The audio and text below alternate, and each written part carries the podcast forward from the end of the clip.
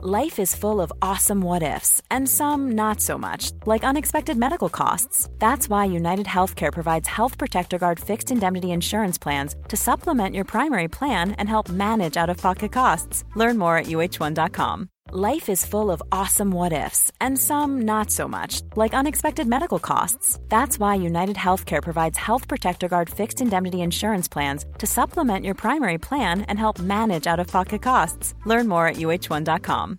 Ready to pop the question? The jewelers at BlueNile.com have got sparkle down to a science with beautiful lab grown diamonds worthy of your most brilliant moments. Their lab grown diamonds are independently graded and guaranteed identical to natural diamonds, and they're ready to ship to your door. Go to BlueNile.com and use promo code LISTEN to get $50 off your purchase of $500 or more. That's code LISTEN at BlueNile.com for $50 off. BlueNile.com code LISTEN.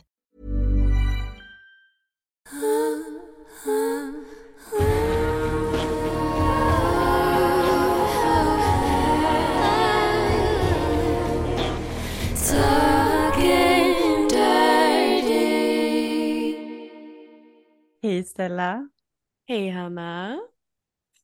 Är vi redo för ett avsnitt om kinks? Yes we are. Hur mår du? Jag mår bra. Hur mår du? Jag mår bra. Jag är lite förkyld. Som eh, ni hör att jag snörvlar lite så får ni ursäkta det. Men annars är det så bra.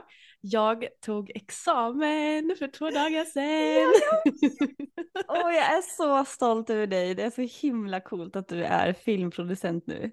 Exakt, oj, så nu är jag oj. official film och tv-producent. Så nu väntar jag bara på att få hem mitt examensbevis och så har jag planerat att eh, beställa hem en regissörstol faktiskt. Oh. Och sen så tänkte jag ta en liten cool photoshoot eh, med mitt examensbevis och kanske oh, en klappa. Ja, ja.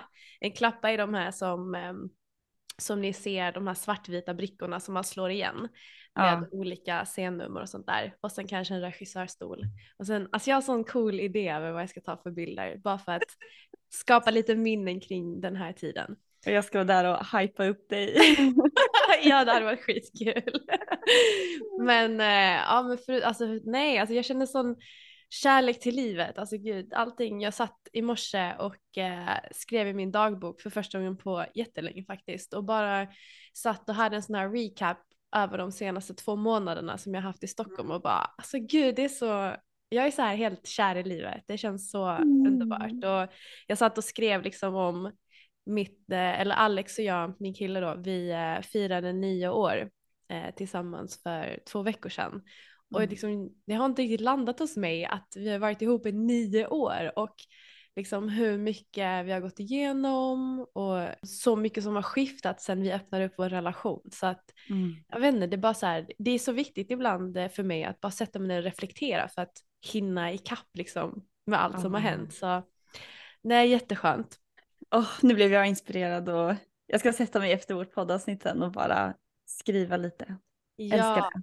Mm. Och åh, det är så, jag gillar också när du sa det här med hur mycket som har ändrats. Jag vet vi har varit inne på det flera gånger med eh, alltså hur en sexualitet också ändras över tid. Oh, och då med det ämnet som vi ska prata om idag med kinks. Och det här finns ju så mycket att gå igenom. Du och jag satt ju här innan och bara så här, okej okay, men vad ska vi få med i det här avsnittet? För att vi kommer ju göra såklart många avsnitt och gå in på de här delarna. Um, men idag så är ju fokus kring kinks och då lite mer så här generellt, vad innebär en kink? Eh, gå igenom lite olika delar av det och sen så har ju vi också gjort ett kinktest. Mm. Så det ska vi ge en liten teaser om och vad vi, vad våra kinks är helt enkelt. Ja, men vad våra resultat blev och om de, de resultaten stämmer överens med hur vi faktiskt upplever våra kinks. ja, så men... det ska bli så kul. Ja, och precis som du säger Hanna, det, det här är ju en sån stor värld. Alltså Kingsta-världen är ju enorm. Och mm. jag ska vara helt ärlig, jag är ganska ny i den här världen. Alltså jag har ju bara varit i liksom kinkvärlden i snart ett år um, och utforskat det. Och jag vet ju att det är många som har spenderat många, många år i den här världen och kan hur mycket mer om det här ämnet än vad vi kan. Men det är också kul att få prata om det här ur lite mer av ett nybörjarperspektiv tycker jag. Ja. Så att eh, som sagt, vi är ganska införstådda i det redan, men är det någonting som ni vill att vi ska tillägga eller någonting som ni tycker att vi borde ta upp i nästa avsnitt eller någonting sådär så är ni jättevälkomna att eh, feedbacka oss kring det här avsnittet också. Ja, och jag tänker vi, ska ju, vi kommer ju absolut så här, eh, bjuda in också mm. Alltså kingsters som har olika typer av utlevnad och sådär. Så att det här är bara, bara, oj, bara början. jag knappt prata, jag är så exalterad. ja men nu skrapar vi på ytan här när det kommer till kinkvärlden. Men jag tycker det är bra mm. för jag vet att det är många som lyssnar som också är nya till den här världen. Mm. Um, och alltså jag tänker så här, ska vi börja lite med, alltså hur, hur tänker du när du hör ordet kink? Ja, och det här har ju verkligen ändrats kan man ju säga. Ja. Um, för jag menar förut när jag fick höra om ordet kink, då tänkte jag nästan uteslutande på typ läder, piskor, aggressivt i en källare som är mörk. mm. uh, det var liksom så här, aha, kink det är det liksom. Mm. Uh, och sen så nu när man väl har liksom börjat bli mer utforskat lite mer sexuellt och förstått lite mer vad det innebär så dels så tycker jag att det bara Alltså jag insåg att kink-ordet och alla de begreppen som finns där, att det sätter bara ord på helt enkelt vad man går igång på. Precis. Um, sen så tänker jag ändå att ordet i sig är kanske ändå lite mer... Eh, det finns ju en definition, är det Wikipedia tror jag, som säger att, att en kink är sex som inte ingår i normen helt enkelt. Precis. Utan att det är lite annorlunda eller lite normbrytande sex. Eh, och jag menar, då kan det ju egentligen vara vad som helst för att normer är ju så olika beroende på vart man bor och på liksom kontext och vilka man umgås med. Mm. Eh, så något som är kinky för dig kan ju vara eh, helt normalt för mig och så vidare. Exakt, och det där, där tycker jag att du verkligen sätter huvudet på spiken, det är att en kink är ju väldigt subjektivt och det är inte statiskt så att det kan mm. ändras eh, längs med din sexuella resa mm. och vad som anses vara kinky för Hanna behöver ju nödvändigtvis inte vara kinky för mig eller så är det mm. superkinky för mig. Så att det är precis som du säger, det är liksom någonting som väcker lust hos dig som generellt avviker från vad som anses vara normalt eh, mm. sexuellt. Och det kan väl vara lite det här när man definierar vanillasex, eh, det som man har blivit liksom inom situationstecken lärd att sex ska vara. Mm. Eh, det är liksom det som egentligen avviker ifrån det.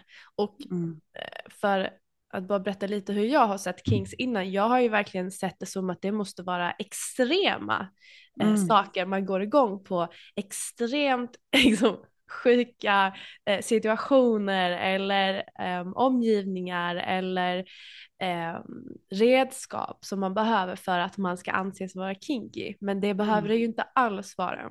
Mm. Så jag hade också ganska mycket så fördomar kring det och fördomar kring att alltså lite så här liksom okej okay, en, en kinky person eh, kommer att gå omkring i latex overall och piskor och kängor liksom nonstop hela tiden. Men mm. vem som helst kan vara en kinkster och det är det jag tycker är så kul. Um, men det finns ju någonting liksom med, alltså när man går in i det här okonventionella sexet, att det blir så tabubelagt. Men det behöver verkligen inte vara det. Och jag tänkte på det här faktiskt när vi pratade om um, ditt, ditt och Johans eh, förhållande. Alltså första gången du hade sex med Johan. Mm. Så minns jag att du sa att du tyckte att det var så, här, så sjukt att du ens hade sex. För mm. du hade ju tänkt spara dig tills äh, giftermål. Mm. för dig så måste ju bara liksom, att ha haft sex varit så otroligt kinky för dig. Mm. Eller hur? Ja, alltså ja, bara tanken av att så här, jag minns så tydligt första gången jag hade sex och var så här, hans kuk är i min fitta just nu. Exakt. Alltså det här är, det här är så brutalt förbjudet och kinky och bara så här, ah! Så det är, eh, jo men det är väl också någonting som jag ändå tänker när jag hör ordet kink, att det ska vara kanske lite förbjudet. Ah. Men eh, så det är lite vad jag lägger in i den mm. definitionen. Vad tycker du? Är det också någonting som du tänker? Eller vad skulle du, om du skulle definiera kink idag? Det har du ju för sig redan gjort då. Men... ja. Nej men alltså som sagt kink är väl det som, som jag, alltså jag är, jag är kinky, jag behöver lite av det här äh, förbjudna om man nu ska använda det ordet. Sen liksom så här, vad är förbjudet och inte det mm. är också en definitionsfråga och också väldigt subjektivt. Mm. Um, men om man bara utgår lite från vad jag går igång på, alltså jag går ju väldigt mycket igång på det här med maktförskjutning exempelvis. Mm. Um, till exempel relationen mellan en person som är dominant och undergiven som man mm. utövar inom exempelvis BDSM. Mm. Eh, jag älskar den den maktförskjutningen eh, tycker mm. jag är så spännande. För att i vanliga livet så tror inte jag på maktförskjutning. Jag tror ju inte att någon är över någon annan. Så det är väl kanske det egentligen, alltså det är så intressant det där för att mycket av det jag går igång på i, i sovrummet som sagt är inte riktigt det jag eh, står för i det vanliga livet om man säger så. typ så här jag har inga problem med att bli förnedrad eh, mm. i sovrummet, men skulle jag bli förnedrad i det vanliga, nu säger jag vanliga livet, i det mm. vardagliga livet kanske jag ska säga, det skulle mm. jag aldrig acceptera. Så att mm. det är någon, det är väl egentligen det som är the kinky för mig är att det som inte är liksom accepterat för mig i mitt vardagliga liv helt plötsligt mm. blir någonting jag verkligen går igång på. Mm. Eh, i sovrummet eller sängkammaren va? ja men och jag tycker att det är så bra att du lyfter det för det känns som att det här har ju varit ett sånt problem för så många människor just att det går inte ihop med ens ideologi eller hur man, vad man tycker är rätt och fel i, i vardagliga livet så. Mm. Eh, men att man verkligen går igång på det sexuellt. Eh, och eh, det är så bara kul att man kan få leka lite med alla de här olika rollerna, Eh, och att det faktiskt bara får vara lek, inte att det måste vara att, ja men som du sa till exempel, om du ska bli förnedrad, att så här, det är så här jag är, du ska förnedra mig, bla bla bla bla bla. Sen så är det vissa personer som har det som kink också, att, mm. Att de här, den här dynamiken av maktförskjutning, eh, det, det är inte bara under sex, utan man vill ha det under hela deras relation eller hela dynamiken i deras liv och så. Mm. Så att eh, Ja, och det, det, är verkligen så subjektivt och så individuellt vad en kink är. Mm. Eh, som sagt, när du liksom, första gången hade sex med Johan, att hans kuk var i dig, det var ju så otroligt förbjudet och kinky. Men för mm. mig som har förlorat min oskuld när jag var 14, det var ju liksom så här så okinky det kan bli. det är så här en förutsättning för att ha sex liksom. Men ja men och det som är så kul det är ju verkligen det här att alltså vad som är kinky verkligen kan ändras och att ja men eh, till exempel för vissa är det ju så extremt kinky att använda en leksak mm. och för mm. vissa är det jättekinky att så här onanera inför någon annan eller liksom oh, det, oh, jag hade egentligen velat kanske kolla upp det men det var ju eh, under 1900-talet, i mitten på 1900-talet och sånt där, mm. alla som, eller om det var början, alla som gifte sig fick en manual Känner du igen det här? -mm. Det här är så intressant. Eh, men alla som gifte sig i Sverige fick en manual för hur sex går till. Nej! Och därför blev Sverige liksom lite världskänt i resten av delar av världen för att vi var ett sånt sexuellt land då, som vi till och med fick en manual liksom.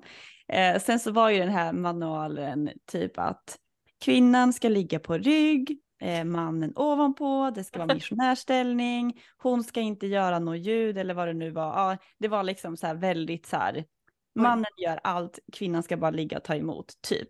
Mm. Um, och jag, jag tror att lite där kanske ligger grunden för också den här uppdelningen av vaniljsex och kinky sex. Ja. Um, och det jag tycker bara kan vara lite tråkigt också med det begreppet är just det att, för i vissa konstellationer så är det liksom att man tycker att kinky, nej nej nej, det här, det här är avvikande, det här är inte liksom, det här är ohälsosamt, ja, mm. ja onormalt. Eh, Medan vaniljsex är tråkigt sex. Ja. Och det är det jag tycker blir så härligt när man ändå går in mer i alla definitioner, för då bara inser man att så här, jag tror att liksom alla personer har lite kinks i sig. Eh, och att alltså bara den här kinkvärlden så sätter ord bara på det man upplever. Ja. Jag tror inte att det finns något som är så här, ah, du, du är helt vanilj eller du är liksom, alltså, eh, och alla de här kategoriseringar som försöker shamea någon. Eh, mm.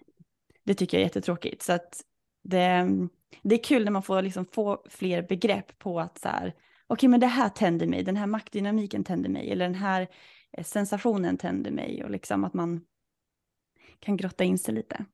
Ja, och det är verkligen inget fel på vaniljsex. Jag älskar vaniljsex också. Eh, men jag älskar det här lilla extra kryddiga som kinksen egentligen tillsätter. Det är som att mm.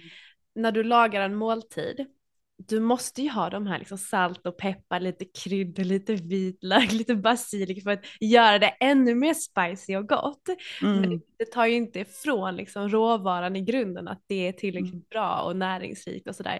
Men mm. det är liksom att det är någonting lite extra som kryddar till det. Mm. Och sen så är det ju att jag kan ju gå igång bara av att se min kille eller bara av att typ vi ligger och myser när vi har precis vaknat med varandra och jag känner hans liksom morgonbånge mot, mot min rumpa eller någonting. Det kan ju också få igång mig enormt men uh. det är någonting från att liksom gå igång till att bli helt råkåt.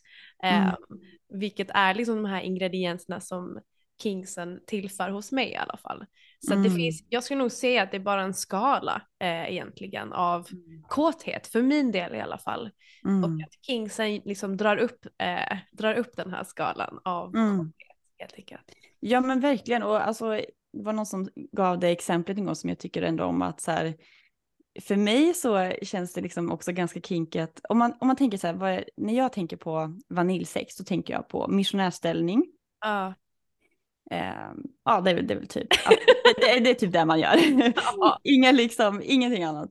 Två nakna, helt nakna personer som kör missionärs sex. Men, Men också jag... eh, typ med lamporna släckta, alltså så här lite. Ja precis. Ja lite så. Mm. Och då, men det som också är lite kul att nu så tycker jag att där känns väldigt kinky att bara köra, alltså tänk dig ändå liksom att man bara har missionärsställning. Och bara titta varandra och bara, alltså bara ha den ställningen, det tycker jag känns ganska kinky också. Mm.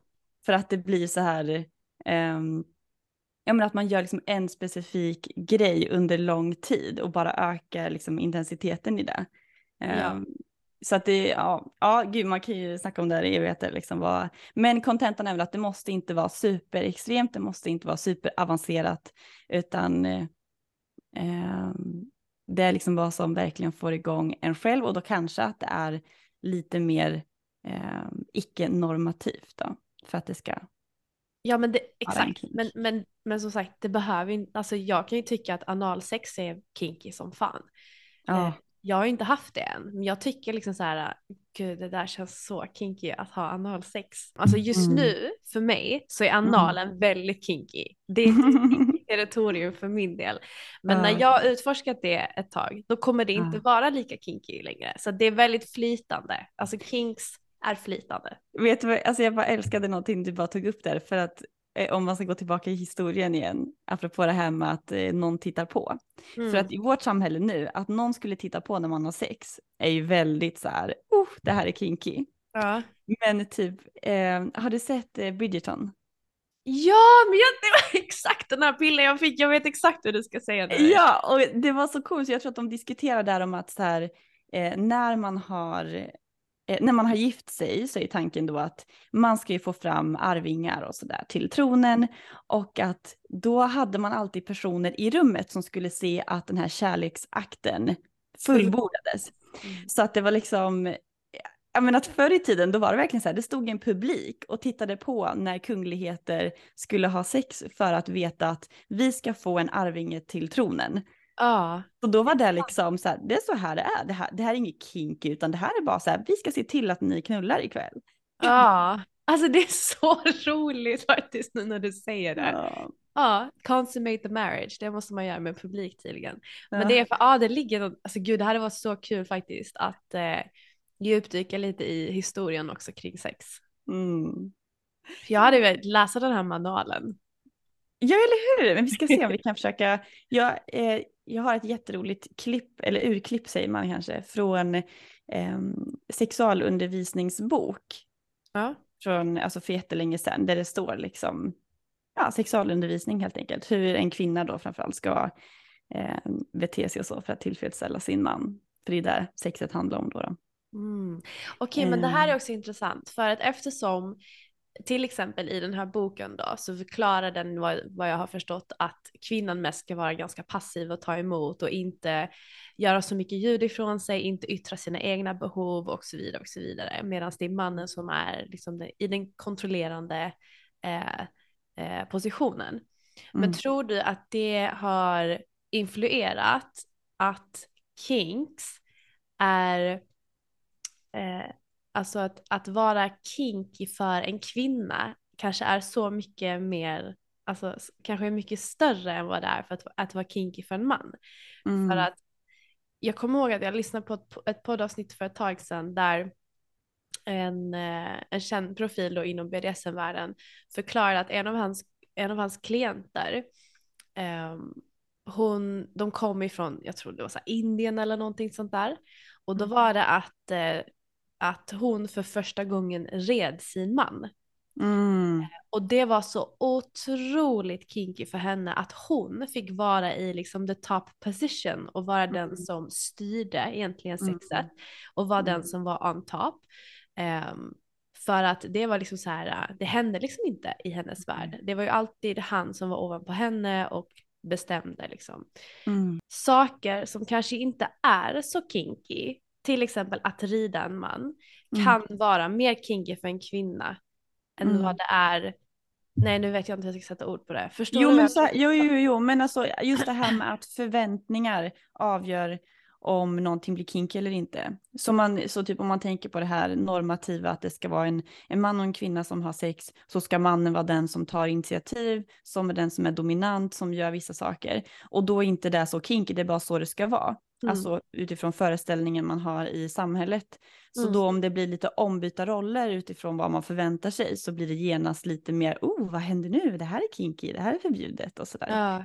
Så eh, det var så jag tolkade det i alla fall, just det här Mm. med att här har ni en manual, så här ska ni ha sex och direkt då om det ändras på något sätt så blir det eh, kinky. Och då eftersom mannen då i den här manualen när man gifter sig så här, du ska göra så här, det är du som ska vara ovanpå, du ska göra allt det här och kvinnan ska bara ligga och ta emot. Mm. Alltså vad som helst som kvinnan gör då blir kinky. ja exakt. Medan mannen förväntas göra massa saker och det, ska, det är bara så det är. Mm. Det är bara så det är. Mm. Så det är verkligen så mycket mm, nackdelar när det blir eh, på det sättet, när man delar in det och kategoriserar sådär hårt. Mhm. Exakt. Yes. Men däremot, alltså kategoriseringar, nu fick vi en jättesnygg övergång här. att kategoriseringar kan ju verkligen, kan ju också hjälpa och göra så att man får den här igenkänningsfaktorn, att man inte är udda, eh, att man får sätta ord på sin upplevelse och liksom, ja men jag tror att eh, eh, just att information kan vara så empowering att få. Och vi Mm. hittade ju, du skickade ju till mig något som du hade hittat, ett eh, eh, inlägg på Instagram där man pratade om eh, olika arketyper, kinky arketyper. Mm. Um, det var sju stycken som de tog upp där. Mm. Eh, Precis, och, alltså det här, den här mannen då, alltså jag tänker att vi, det hade varit jättekul att göra ett sånt här inlägg på svenska eller någonting, men han, eh, han lyfter väl fram de mest vanliga kinksen, eller vad man ska säga, och eh, förklar, alltså kategoriserade dem lite grann så att det var enklare att eh, sätta ord på det man gick igång på helt enkelt. mm, Ehm, och detta kallar han då för kink-arketyper. Och vi tänkte att, alltså jag tyckte det inlägget var väldigt bra, så jag tänker att vi kanske kan återknyta lite till det och berätta om det. Eh, Mm. Sen så som sagt, det finns ju hur mycket olika typer av kink som helst och det hade varit jättekul att djupdyka lite mer i varje kink framåt också. Men nu Mm. skrapar vi lite på ytan bara för att liksom redovisa, eller vad man ska säga, de Mm. kanske vanligaste kinksen som man Mm. kanske känner igen sig i. mm. Och just liksom begreppet arketyp också, att man kan se det lite grann som kanske personlighetstyp som gör sådana här personlighetstester eller Mm. Eh, så att det blir liksom som en samling av att så här, det här är ett beteende eller eh, en dragning som man har som, som person. Eh, så att, ha, har du den framme? Ja, så den första arketypen som han pratar om det är the dominant archetype, alltså mm. dominant. Eh, ja. Och vad den egentligen eh, betyder det är ju att det är någon som gillar att vara i kontroll och mm. att bestämma i en sexuell kontext. Mm. Eh, och det här är ju en del av det här maktförskjutningsspelet som mm. ofta eh, sker mellan till exempel en dominant och en undergiven. Det är ju svårt att vara dominant utan en undergiven helt enkelt. Det krävs ju nästan eh, båda två eh, utifrån mm. min erfarenhet och förståelse för att det ens ska funka. Mm. Um, och för att det ska vara samtycke mm. i, mm. i, den här, uh, i det här utövandet. Mm. Men en dominant helt enkelt uh, kan ju använda olika slags redskap också. Vi har pratat lite om det här med floggers, handbojor, mm. piskor för att egentligen skapa en slags återhållsamhet eller en slags restriktion för mm. att liksom skapa just den här miljön av att den personen bestämmer över en annan person. Och det mm. som är jätteviktigt här det är ju att som med allt liksom inom eh, sexvärlden så är det ju byggt på samtycke. Eh, mm. Så att, att någon bestämmer över en kan ju låta eh, inte alls bra och inte alls jämställt men just i den här sexuella kontexten så är det ju någonting man verkligen går igång på. Att dominera mm. någon annan, att bestämma över någon annan. Mm. Och det är ju, förutom de här redskapen som du nämner också så kan man ju använda tonläge. Mm. val av ord, val av kläder för att liksom ha den här maktförskjutningen. Um, och att, att det finns en maktförskjutning behöver ju absolut inte vara något dåligt om man tänker på vanliga roller i, eh, i samhället. Att eh, som förälder mot barn eller som lärare mot elev, att så här, det finns ju en liksom så här, jag bestämmer vilka läxor du ska göra. eller jag bestämmer hur, hur, lång tid vi har den här lektionen och vad som kommer hända under den här lektionen. Um, så att, att någon är liksom i kontroll och att någon eh, leder helt enkelt eh, eh, mötet. Och du var också inne på någonting där som jag tänker vi kan nämna lite kort eh, extra, det här med samtycke. För att det kommer ju upp väldigt mycket debatter liksom i samhället nu kring det här med porr eller liksom hårt sex och, eh, eh och så vidare. Så, och att det också blir väldigt, eh, det blir som en negativ klang kring att så här, åh, unga personer börjar gå in i liksom hårt sex just nu och så där. Eh, men någonting som är jätteviktigt där är ju liksom att om båda personer inte är med på vad som händer, då är det inte sex längre. Alltså då är det ju övergrepp. Så att ja. när man pratar om BDSM eller hårt sex eller vad det än kan vara, då utgår man ju från att här, det här är en roller eller energier som man leker med där båda njuter av det. Precis. Så att Eh, det jag ville bara få det sagt. Snyggt där Hanna. Thank you. um, good teamwork, good teamwork. Jag tänker vi ska gå in på nästa också och sen vill jag höra ja. lite kring om du har någon erfarenhet kring just det här. Men nästa mm. som egentligen hör till den dominanta det är ju den som är undergiven eller submissive. Mm. Det är ju någon som frivilligt ger upp kontroll och underkastar sig en annan person i åsyfte att uppleva njutning helt enkelt. Mm. Eh, som vill bli ledd, som vill bli så kallad dominerad eh, och mm. njuter av det helt enkelt. Mm. mm. Exakt.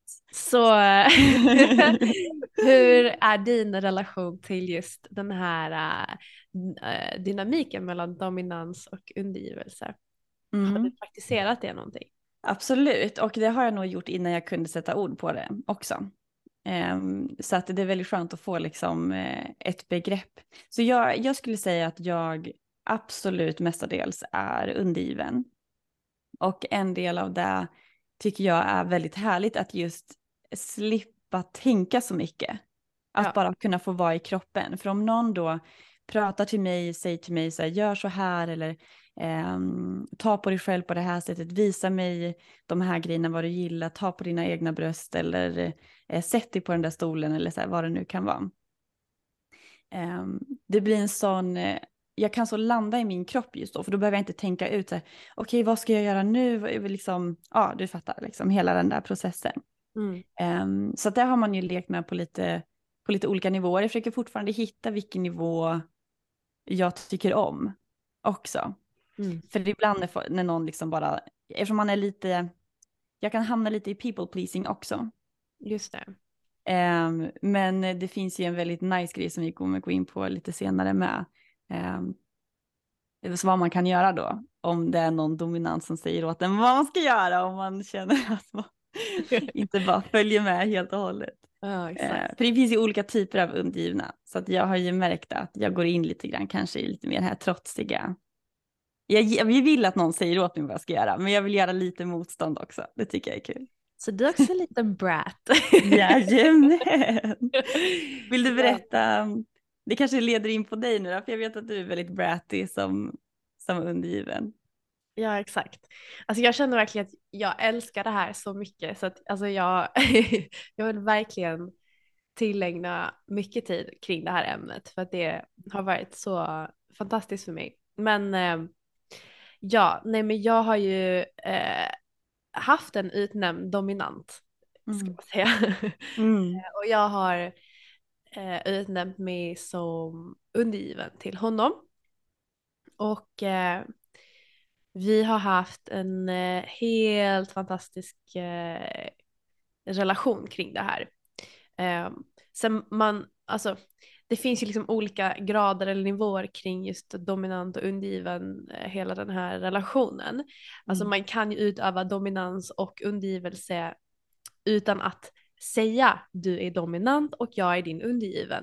Mm. Men om man vill liksom utforska det speciellt med en person mm.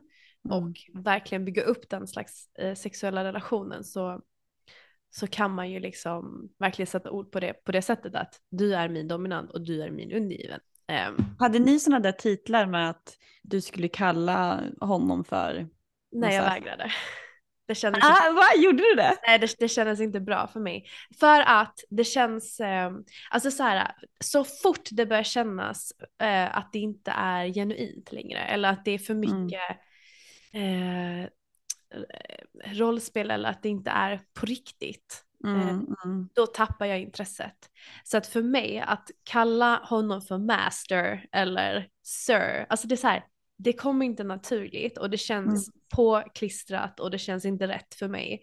Och det mm. sa jag till honom för att han har ju haft, han har ju varit dominant i 15 år så han har ju eh, verkligen haft den typen av relation där hans tjejer då har kallat honom för master eller mister mm. eller sir eller vad det nu kan vara. Men mm. det kändes inte rätt för mig och det tycker jag också är så viktigt att understryka att det finns också lite så här äh, manual för hur man är undergiven eller hur man är dominant. Men mm. ifrågasätt det också och känn, mm. känns det här rätt för mig? Nej, då gör jag inte det. Känns det här rätt för mig? Ja, men då gör du det istället. Mm. Så att för mig så kom det inte alls naturligt och känns inte alls bra att kalla honom för master. Jag bara nej, alltså no. Um, utan jag går ju verkligen igång också på det här med alltså mer psykologisk dominans och liksom dominant energi mm. uh, och sättet han pratar med mig. Uh, så att för oss så var det inte så jättemycket om redskapen även fast det var en rolig uh, krydda att mm. använda typ ögonbindel eller handbojor eller floggers eller piskor. Mm. Det var en del av vår lek. Men eh, det handlade jättemycket om just energin och dynamiken mellan oss och det, och det tog sig uttryck mer i, i ord, hur han förde mig, hur han rörde mig, mm. vad han, hur han pratade med mig och så vidare och så vidare. Så att mm. alltså det har verkligen varit så, oh, så jävla hett alltså. Oh. Men det är det, som, det är det som är så kul för att de här energierna som man då leker med när någon är dominant och någon är undergiven, mm. eh, det är också så att man kan verkligen leka med det så att det behöver ju, det kan vara att den ena personen bara säger gör så här, gör så här eh, och den andra bara helt går med på det. Och att man då kanske använder titlar eh, för att det ska bli liksom extra tydligt att så här, eh, och nu, eh, nu ska jag inte gå in på de andra arketyperna här, men man kan i alla fall använda sig av att det är, att det är så. Det är så här vår energidynamik ser ut. Och sen ja. kan man ju utmana den lite grann eh, med att vara då något som heter det här att man är en brat eller bratty submissive, eh, där man eh, då utmana liksom den här dominanta när den säger åt en vad man ska göra till exempel. Att man gör lite motstånd och man utmanar den energin och retas lite. Eh, mm. Och sen såklart då att man kan ju såklart switcha så att man man måste ju inte alltid ha den konstellationen i den relationen eller med alla typer, eller all, alla, säger jag inte alla typer, alla partners. Mm, exakt. Men det, det är så, ja det här kommer vi gå så djupt in på. Ja oh, gud jag har så, så, så, så, så, så, så mycket att prata om när det kommer just till det här. Men uh. alltså en, en grej som jag gillar, uh. det är när man är också dominant över meddelanden. Mm. Alltså till exempel få utmaningar, det tycker jag är en del av den här dominansundgivna eh, energin. Att så här, man får uppgifter till exempel, jag vill att du gör det här, jag vill att du visar mig de här grejerna. Det tycker ja. jag. Ja, verkligen. vi gjorde inte så mycket sånt utan vi gjorde ju mest när vi var med varandra. Ja. Men oh, det var, alltså det är verkligen Ja, jag går så igång på det och som du nämnde där liksom med termen brat eller att man är en bratty submissive. Mm. Alltså det är ju definitionen av mig i sängen. um, jag älskar när han eller när någon är dominant. Det mm. krävs också, jag ska också säga så här, det krävs också att man bygger upp det här och skapar en tillit till varandra och att man verkligen liksom går in på vad går du igång på, vad går du inte igång på och så vidare. Men det kan vi gå in på mm. en annan dag. Mm. Men eh, han visste ju exakt vad jag gick igång på. Mm. Eh, och vissa grejer gjorde han och sa till mig att göra även fast han, in, även fast han visste att jag inte ville det. Till mm. exempel mm. krypa för honom. Mm. Jag hatar att krypa för någon annan. Jag jag tycker det, det är höjden av förnedring och jag, jag gillar inte det. Men mm. en gång så tog han, han bara ner på knä efter jag hade sugit honom. Så bara drog han mig, han tog tag i mitt hår och bara drog mig längs med golvet så jag hade ingen, inget val än att krypa för honom. Och jag blev så arg och irriterad över det där. Så det var typ, gick in i ultra brat mode.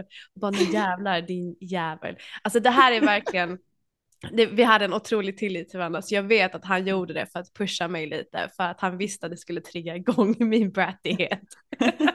Men det finns, det finns vissa grejer som jag inte tycker om. Eh, eh, eller som verkligen jag tycker är jobbigt. Men eh, mm. det är det mm. som är så intressant att se vad som växer inom en när man utsätts i de här liksom Eh, inom situationstecken förnedrande situationer. För jag tycker verkligen att krypa för någon annan, det, oh, det triggar igång så mycket inom ja. mig. Men det, men det är också, det är sånt, när man verkligen går in i de här rollerna så blir det ju, det, det är sånt finlir att kunna då skilja på till exempel det här är ett nej och mm. att det här är mer att du är obekväm och åh, blir irriterad och arg liksom. Ja. Och att man ehm, men att man verkligen kan leka med det där att, att utmana varandra inom en liksom, kontext där det är tillit och som du också liksom var inne på det här med, alltså det här, det här med att vara dominant, eh, om jag nu spinner vidare på det du började säga, så handlar det ju verkligen inte om att jag bestämmer, jag ska ha det här, utan en dominant utgår ju alltid ifrån den undgivnes liksom regler och gränser. Mm. Så egentligen så tänker man ju ibland att det är den undgivna som styr. Nej, men det är den undgivna som har all mm. kontroll i grund och botten. Och ja. detta, detta, detta ska vi verkligen djupdyka inom för det här är så intressant med just eh, mm. eh, dominant och eh, undgiven och hela den relationen. Eh, mm. för det är mycket, mycket djupare än vad man tror. Eh, men i alla fall, det var någonting jag skulle säga. Jo, det som jag tycker är viktigt just med det också på tal om det jag precis berättade. Jag har ett mm. favorituttryck nu som har kommit till mig på sistone och det är push your limits without overstepping your boundaries. Mm. Åh, säg det igen, säg det igen. push, Så bra. push your limits without overstepping your boundaries. Uh. Och, det, och det gäller för allt i livet för att när du utmanar dig själv mm. så det är då du hamnar utanför din comfort zone och, du, och det är där tillväxt sker och det är där mm. du utvecklas. Men mm. du ska mm. aldrig känna att du går över dina gränser för mm. då tappar du helt plötsligt respekten för dig själv. Så att det är verkligen mm. en fin gräns där och ett sånt ah. inkännande man måste ha med sig i, mm. i just exempelvis eh, BDSM-kontexten exempelvis. Mm. Jag tänker vi måste gå vidare lite nu så att vi inte fastnar här. Okej, okej, okej, okej. Ja, absolut. Det här, oh, som ni hör, vi, det här är vårt favoritämne. Men okej, okay, ja, så vi har gått igenom två olika arketyper, den dominanta och den undergivna. Vill du ta nästa då? Ja, så kommer vi till då, och såklart fick jag det här ordet är så svårt att uttala, fetischist-arketypen. Visst klarar jag det? Fetischist-arketypen, yeah! Ja, fetischist, yes nu känner jag mig nöjd med mig själv. Okej, okay, så att den här personen då finner då njutning och då ska det vara i något specifikt liksom, eh, objekt, material eller en sensation. Eh, nu ska vi se vad de skriver mer i just deras eh, definition. Alltså, alltså, det som egentligen utmärker en fetischist, det är mm. ju att de 99% eh, av tiden skulle jag nog säga måste ha den här slags komponenten för att ja. verkligen uppleva njutning. Så att exempelvis, det kan vara att de har en latexfetisch, Mm. Fotfetisch som vi nämnde i förra avsnittet. Alltså, mm. Alltså det är en komponent, det kan vara ett objekt, en situation, en kontext, mm. eh, ett material mm. som verkligen är höjden av upphetsning och är Så... någonting de behöver för att verkligen alltså, njuta eller uppnå njutning. Exakt, så att vissa kinks kan vara fetischer för folk. Um, men, eh, vänta, nej, det var någonting jag tänkte säga där. Ja, vissa kinks är helt enkelt eh, kinks som man går igång på och tänder på, men som du sa, fetischer är liksom, jag behöver det här för att kunna liksom komma, komma åt min njutning och komma i kontakt med min sexuella energi. Ja, och det brukar också vara lite okonventionella saker, till exempel då eh, kroppsdelar som, som ofta inte är sexuellt eh, bundna, till exempel fötter eller händer eller det kan vara egentligen, alltså folk går igång på öron. Det finns hur många olika mm. fetischer som helst. Mm. Det kan vara att man älskar känslan av som sagt latex eller att man går igång på ballonger, alltså den här känslan av mm. ballonger. Mm. Det kan vara Nylonstrumpbyxor. Ja, skor. Oh, eh, alltså Lackar. Det kan vara Alltså gud, jag kommer ihåg på Fråga Olle för hur många år sedan som helst. Alltså, det var ju någon som gick igång på murar, alltså på slags byggnader. Alltså det kan vara mycket olika saker som helst. Ja, verkligen. Eh, och, och ofta så, som jag har förstått det, så fetischer kan växa fram i tiden, men det kan också vara någonting som är liksom också inom citationstecken medfödda. Mm. För till exempel den här fotfetischen som jag pratade om i förra avsnittet, han berättade ju att det här, hans intresse för fötter fanns ända sedan barn, barnsben. Mm. Eh, bara att han inte förstod liksom att det var en sexuell eh, mm. njutning han upplevde, utan det, var, det växte ju fram med tiden. Exakt. Ja.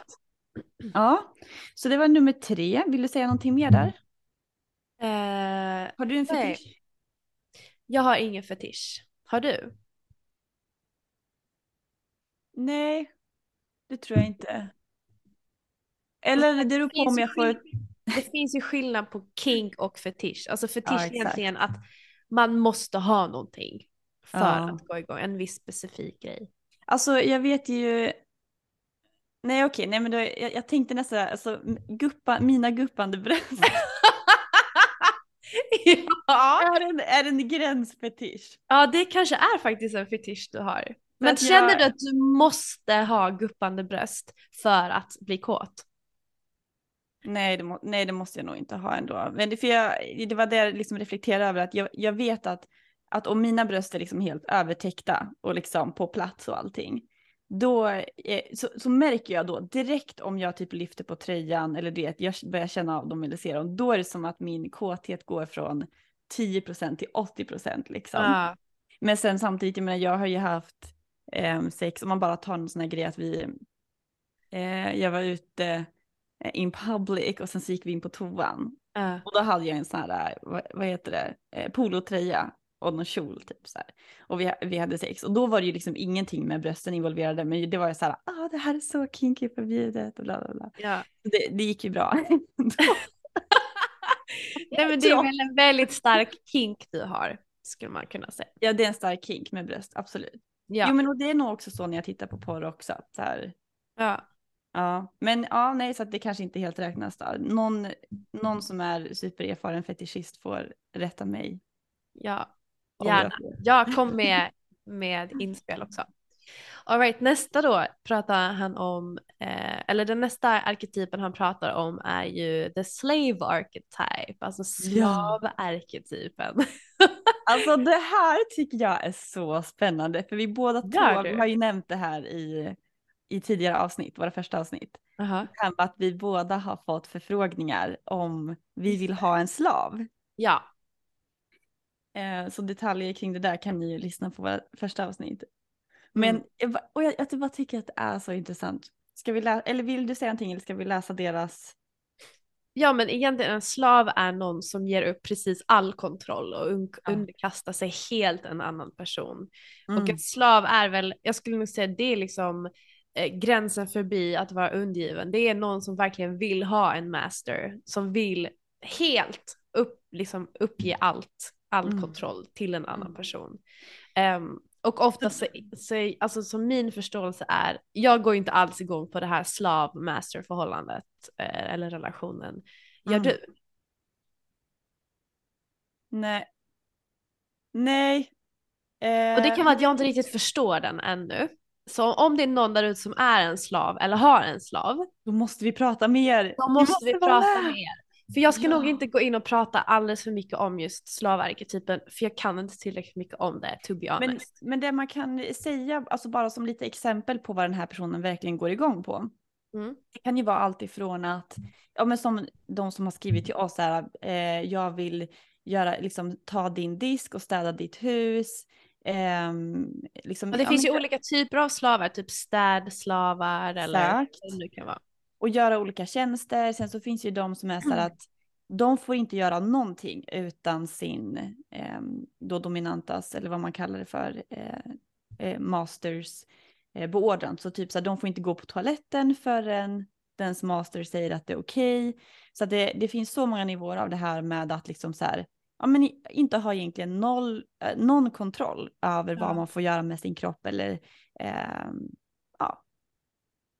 Det känns mer som att slav är mer av en livsstil generellt. Alltså att det sträcker sig lite utanför den sexuella kontexten. Det är bara Ja. min uppfattning Mm. eh, när jag tittar på lite olika program och så. Men jag kan ha helt fel. Det kan vara strictly sexuellt också. Men eh, Mm. det känns som att det sträcker sig lite förbi det på något sätt. Ja. Absolut. Nej men så att har vi någon slav där ute Ja. oss så beordrar vi dig. Ja, vi beordrar dig att komma hit. Exakt, du har inget alternativ utan om du är slav och lyssnar på det här då ska du kontakta oss så är det bara. Oj, dominanta Hanna är igång va? Exakt. All right, the next one, uh, sadist masochist uh, archetype. Mm. Så sadist och masochist är relationen helt enkelt. Och det är också en förgrening då inom BDSM. Mm. Ehm, och det handlar egentligen om att eh, det är ett, ett ehm, en exchange, vad heter det? Exchange. Ett utbyte. ett utbyte av smärta och njutning. Att de Mm. två komponenterna är väldigt nära sammankopplade, vilket de är. Eh, Mm. Att smärta leder till njutning eller att smärta är njutning helt enkelt. Eller ja, precis. Så att om man är då en sadist så går man igång liksom på att ge smärta och liksom att kunna se deras reaktion innan de får smärta och allt som händer och det kan även vara liksom märken efteråt och sådär. Um, så att det blir upphetsande och för en då masochist, säger, man så på ja, svenska? masochist. Masochist. Ehm, då går man igång då på att få den här smärtan. Precis. Ehm. Så det är också en relation då. Sadisten ger och masochisten Mm. får. Mm. Ehm, och det är ett utbyte av smärta helt enkelt. Mm. Som leder till enorm njutning för dessa då parter. Och då är det ju liksom också här, som allting vi pratar om just nu så finns det ju en sån skala på, Ja. på vad det kan vara. Allt från en liten spank Just det. till Just mycket, mycket mer liksom grövre smärta så. Men allting Ja. under samtycke såklart. Men alltså går du igång på smärta? Ehm, jag skulle säga nej Mm. eh, på ett sätt. Ja, jag skulle nog ändå säga nej, men det är också för att jag har haft problem med smärta. Ja, Ehm, så att då blir man lite så här, överkänslig på något sätt att det inte ska, man blir känslig mot beröring helt enkelt. Mm. Um, men sen så kan jag ju verkligen tycka om, alltså jag kan, ju verkligen ändå tycka om ibland när man får lite smisk. Fast inte som en session, för det har jag aldrig testat. Men att så här, om man har liksom sex och det bara åh så här, och så bara får man en släp på rumpan. Ja. Men, eh, eh, men jag har aldrig, jag vill dock utforska typ just den där grejen med att faktiskt bygga upp en smisk eh, session. Ja. Um, men jag, jag har inte haft någon att kunna liksom, testa det, eller jag har inte provat med min kille heller. Så att, men det, ja, jag är öppen för att utforska för det hade varit kul. Men spontant om, no, om, om någon säger liksom smärta eller sådär, då blir jag såhär nej, nej, nej, nej, nej och typ såhär jag Mm. blir stressad. Mm. Du då? Eh, nej, nu har jag inte utforskat just smärta så mycket. Det finns ju massa olika typer av smärta och det känns verkligen som att det här är en konstform på något sätt. Just Ja, ja, ja. Mm. Alltså en smisk på rumpan under sex, det skulle jag inte säga är liksom så eh, liksom smärta för min del. Men det är mer just att liksom få en flogger eller få en piska eller Mm. att man, alltså jag har ju sett de som går igång på liksom att sätta nipple clamps och att man drar eh, på liksom en kedja till bröstvårtorna eller att man, alltså jag har sett extrema former där man faktiskt krokar in, alltså krokar i ryggen, i huden och hänger upp personer i de här krokarna, alltså i Oj. huden. Oj, Eh, oj, så det finns ju verkligen som du sa olika grader av eh, sadist-masochist eh, relationen. Mm. Och, ehm, och det här är också så här, det kan vara så extremt djupt att gå in i det här ämnet för att oftast så är ju smärta kopplad med, till så mycket känslor emotionellt eh, Mm. som kan härleda från barndomen eller olika situationer också. Mm. Och för vissa så är smärta eh, en av de mest rena formerna att uppleva känslor. Alltså att, att komma i kontakt med sina känslor. Så att det finns ju eh, en väldigt fin linje där, men också att som du sa, om man skulle bygga upp en spanking session eller en smisk session, Mm. gör man det på rätt sätt, alltså utifrån om man tittar på liksom eh, adrenalin och liksom dopamin och, och det som utlöses i kroppen när man upplever exempelvis njutning eller smärta eller olika sensationer. Att det Mm. kan verkligen från att vara smärtsamt övergå till njutning oavsett Mm. om man tycker om det eller inte. Det, det finns liksom Mm. eh, en hel värld att utforska där kring det. Så det är någonting jag absolut skulle vilja utforska men inte till extrema, extrema nivåer. För Mm. rent av liksom, nu vill jag att det ska göra ont på dig, det är ingenting som jag går igång på helt enkelt. Mm, mm. Nej, precis. Alltså, nej, exakt. Nej, men varken att skapa smärta eller få smärta är väl eh, någonting som jag känner att jag går igång på så. Men däremot så jag kan ändå vara väldigt lockad av alltså att utforska det just för att det, det var en som beskrev det liksom att det blir, det blir väldigt starka sensationer och då Ja. gör det att man verkligen hamnar i kroppen. Att man liksom slutar övertänka eh, och analysera och hela den biten. Att, och lite det här att, ja men till exempel har man sex och man börjar liksom, ja, snurra iväg och sen så får man typ en släp och bara oj vad hände nu? Och så blir det som en, Mm. eh, så jag kan verkligen gå igång på de komponenterna att det blir eh, intensivt. Så att jag, jag ska se om jag kan, jag tror att man kan lära sig och expandera vad man går igång på ganska mycket, bara man har rätt kontext. Ja, Så ja, att ja. jag ändå, här ändå, här, det här är så här typisk grej att, att vilja tänja lite på gränserna, men att vara väldigt noga med att inte gå över mina, ja, mina gränser helt enkelt. ja exakt. Mm. Oh yeah baby. Oh yeah. Alltså gud det är så mycket vi pratar omkring alla de här ämnena. Men det är bra att bara liksom toucha lite på dem. Okej så nästa är då the bondage archetype. Ja, Mm. så att man begränsar någons eh, Mobilitet. rörlighet. Ja, rörlighet och mobilitet. Precis. Och det här kan ju vara allt ifrån att man har liksom handbojor till att man binder med rep. Ehm, Med tejp. ja, exakt. Kläder, alltså man kan använda vad som helst egentligen för att minska någons rörelseförmåga.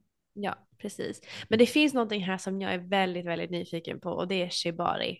Mm. Den här japanska bindnings... eh, Det är som en konstform egentligen. Ja, det är det definitivt. Men det är någonting så vackert och så tilltalande just när det kommer till shibari och att bli bunden på det sättet. Alltså gud, det är jag jättenyfiken på. Alltså jag med, gud, alltså vi, har, vi fick med ett sånt där rep i en kalender. Mm. Som jag inte riktigt har använt, men sen så, eh, det var inte alls länge sedan, några veckor sedan tror jag, några månader sedan. Ja. Som jag och min kille tog fram det här repet och så testade vi att binda varandra. Eh, och då blir det ju inte så här jättehårt för att det är väl någonting man ska vara medveten om att börjar man binda någon, alltså särskilt med rep och sådär, så kommer man ju, man behöver göra det på rätt ställen och i rätt styrka för man har ju blodkärl och nerver som kan skadas annars. Men så vi testade på lite så här uh, light version med liksom binda fast, hålla så här, runt hela kroppen, runt armarna, hålla armarna bakom ryggen till exempel. Um, och jag bara märkte, alltså det är så häftigt hur för vi gjorde inte så här super sexual, utan det var verkligen så här bara binda. Jag bara, åh, jag bara älskade det där så här trycket och att så här, att han mm. bara det. Jag behövde inte ens tänka, jag kunde bara sitta där och känna så här, nu går repet där. Oh. Så blir jag liksom omhändertagen och så jag tror att jag skulle älska det. Jag bara väntar på att få gå på en shibari, mm -hmm. kurs. Oh yes baby. Ja, okej. Okay. Nästa, Den sista eller? då som han nämner är the roleplay archetype, alltså rollspelsarketypen. Mm. Och det är egentligen någon som eh, verkligen tycker om att anta olika personligheter, karaktärer, roller i en sexuell kontext. Eh, mm. Och det kan ju vara att man verkligen klär upp sig, att man verkligen går in i en roll. Till exempel en känd sådan är, jag tror många att du går igång på just the nurse the slutty nurse eller liksom eh, den franska städerskan som kommer med sin lilla dammvipp. Alla så halloween-kostymer. Ja men du vet det ligger någonting i det, alltså verkligen. Eller typ så här poliser, alltså folk, killar eller tjejer i uniform, det är också en mm. otrolig så här rollspel. Eller så kan det vara brevbäraren eller rörmokaren som är hemma och sen och som eh, man ska Har du kört mycket rollspel? Det är det här jag eh, har svårt med när det blir roller för då känns det fake för mig. Mm, mm. Um, och det är det som jag tycker är så svårt just i liksom uh, med rollspel att mm. um, det, kän det, eller, det känns inte genuint jag vet liksom att du inte är en nurse liksom, eller jag vet att du inte är en polis och så ska du helt plötsligt leka polis. Det är liksom, det fråntar lite av den här genuiniteten ifrån mig. Men du kan inte gå in i, um... alltså, uh, vänta vad ska man säga? Du vet att man, man fantiserar om att det är någon annan. Jo, och det är det här som är så, så konstigt för mig, för jag har, alltså en av mina största styrkor, det är min fantasi. Jag kan mm. bokstavligt talat försvinna iväg i världar bara jag använder min fantasi. Mm. Men sen är jag så himla eh, känslig för det här med autenticitet och typ energi och liksom när jag känner att någon, om någon verkligen kan gå in i rollen och mm. verkligen kan föra sig i den rollen, absolut.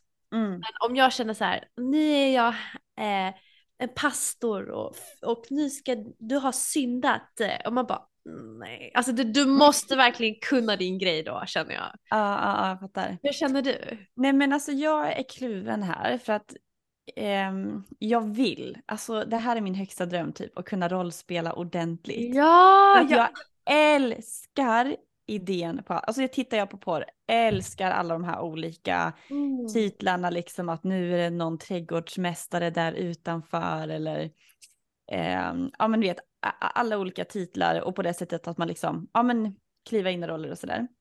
Eh, och en grej som jag och min kille försöker göra lite återkommande det är ju den här att vi är främlingar.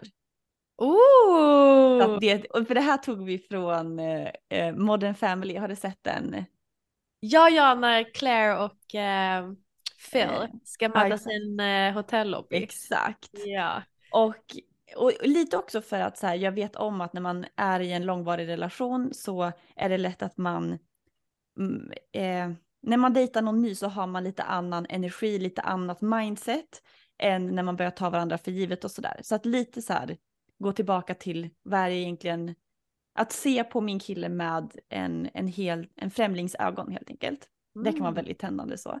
Mm. Men, men det är det här som är problemet då att så här, min kille är ändå ganska bra på att så här, Eh, typ hej, ja, vad kul att du är här. Och det, ja, jag kan tänka mig att Johan är bra på det där. Faktiskt. Ja, men han är bra ändå. Men jag blir ju, på ett sätt så går jag ju in att jag bara okej, hej. men jag blir så obekväm för att jag har så svårt att gå in i rollen. Ja.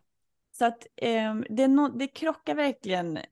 Eh, jag, jag blir liksom förvirrad sådär. Eh, men sen så älskar jag ändå idén av att jag gillar bara att det får, alltså, det får igång fantasin om jag har på mig en typ outfit eller om min kille har på sig en outfit. Typ så här, apropå det här vi snackade om i första avsnittet med monsterporr och allt det där. Ja.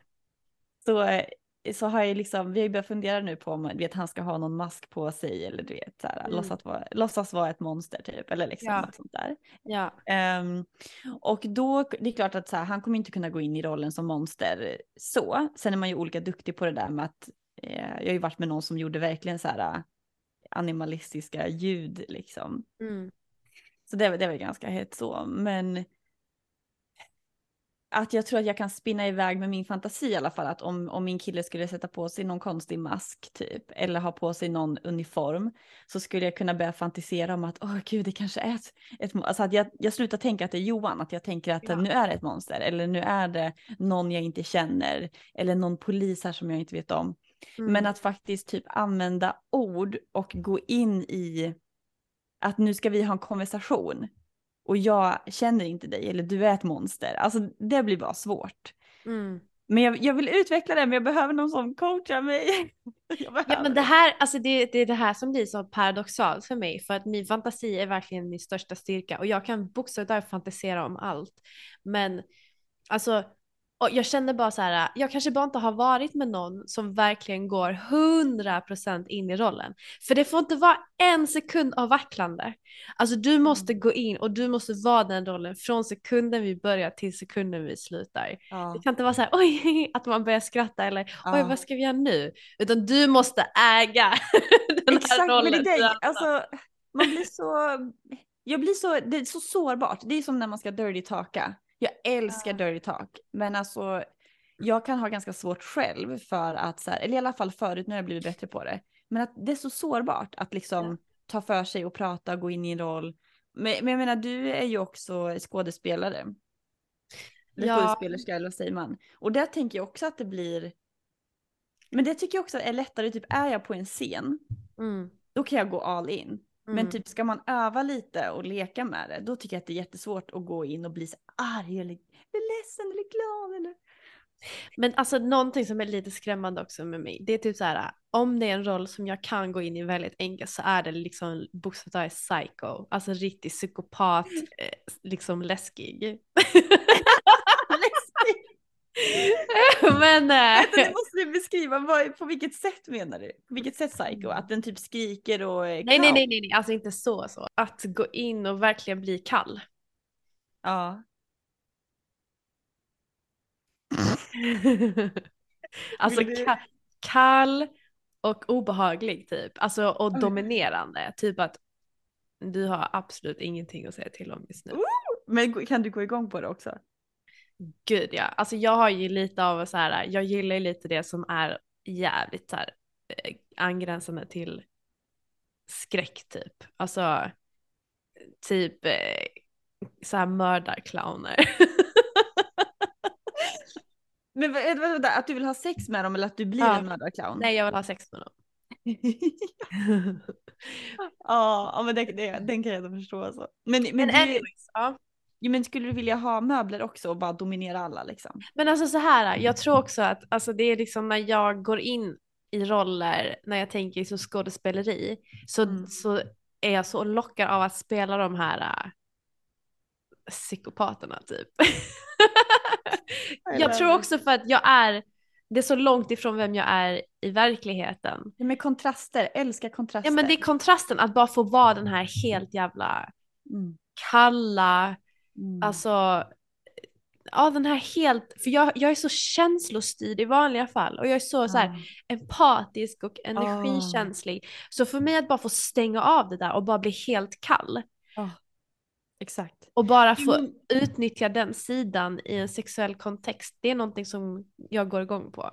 Jag. Exakt, ja, men, och det, det är därför det kan vara så läkande att utforska de här olika kinksen.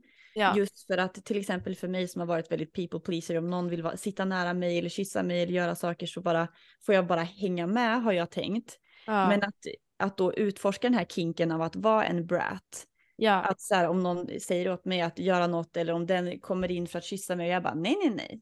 Mm. Du ska inte få någonting. Och det är, så här, det är så läkande att ha en kontext där jag får leka med att säga nej, säga emot. Och ja. för dig då att här, inte känna in vad alla andra känner och tycker utan så här, du är den som bestämmer.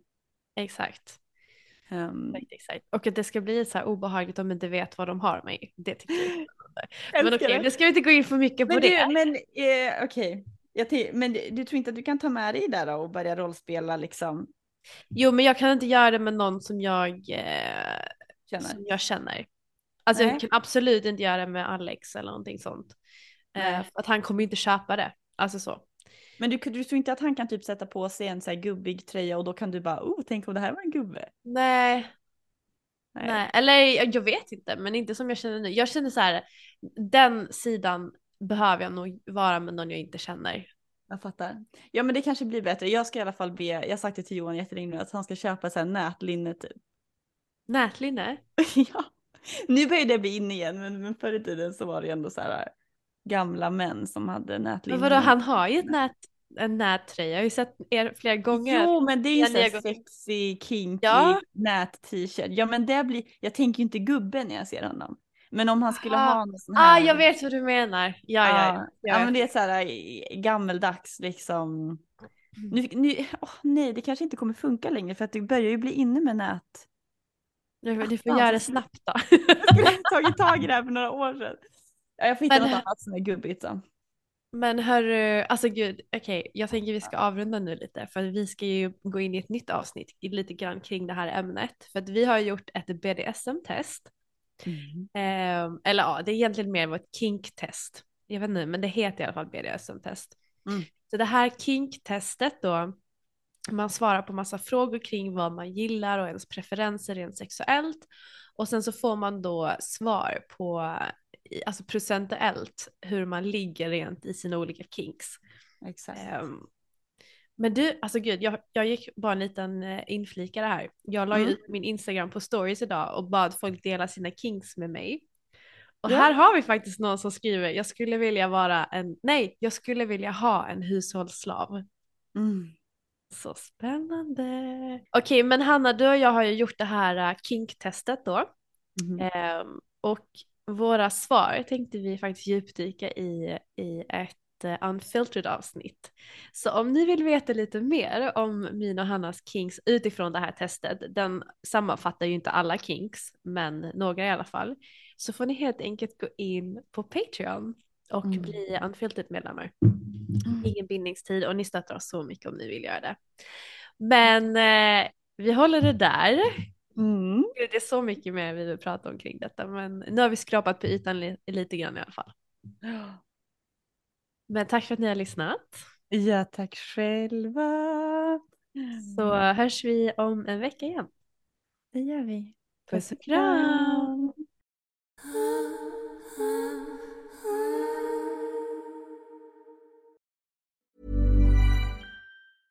Mom deserves the best, and there's no better place to shop for Mother's Day than Whole Foods Market. They're your destination for unbeatable savings, from premium gifts to show-stopping flowers and irresistible desserts. Start by saving 33% with Prime on all body care and candles. Then get a 15-stem bunch of tulips for just $9.99 each with Prime. Round out Mom's menu with festive rosé, irresistible berry chantilly cake, and more special treats. Come celebrate Mother's Day at Whole Foods Market. Even on a budget, quality is non-negotiable. That's why Quince is the place to score high-end essentials at 50 to 80% less than similar brands. Get your hands on buttery soft cashmere sweaters from just 60 bucks, Italian leather jackets, and so much more.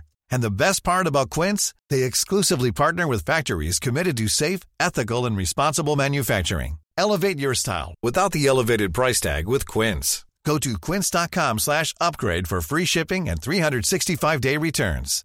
Imagine the softest sheets you've ever felt. Now imagine them getting even softer over time. That's what you'll feel with Bowl and Branch's organic cotton sheets. In a recent customer survey, 96% replied that Bowl and Branch sheets get softer with every wash. Start getting your best night's sleep in these sheets that get softer and softer for years to come. Try their sheets with a 30-night guarantee. Plus, get 15% off your first order at bowlandbranch.com. Code BUTTERY. Exclusions apply. See site for details.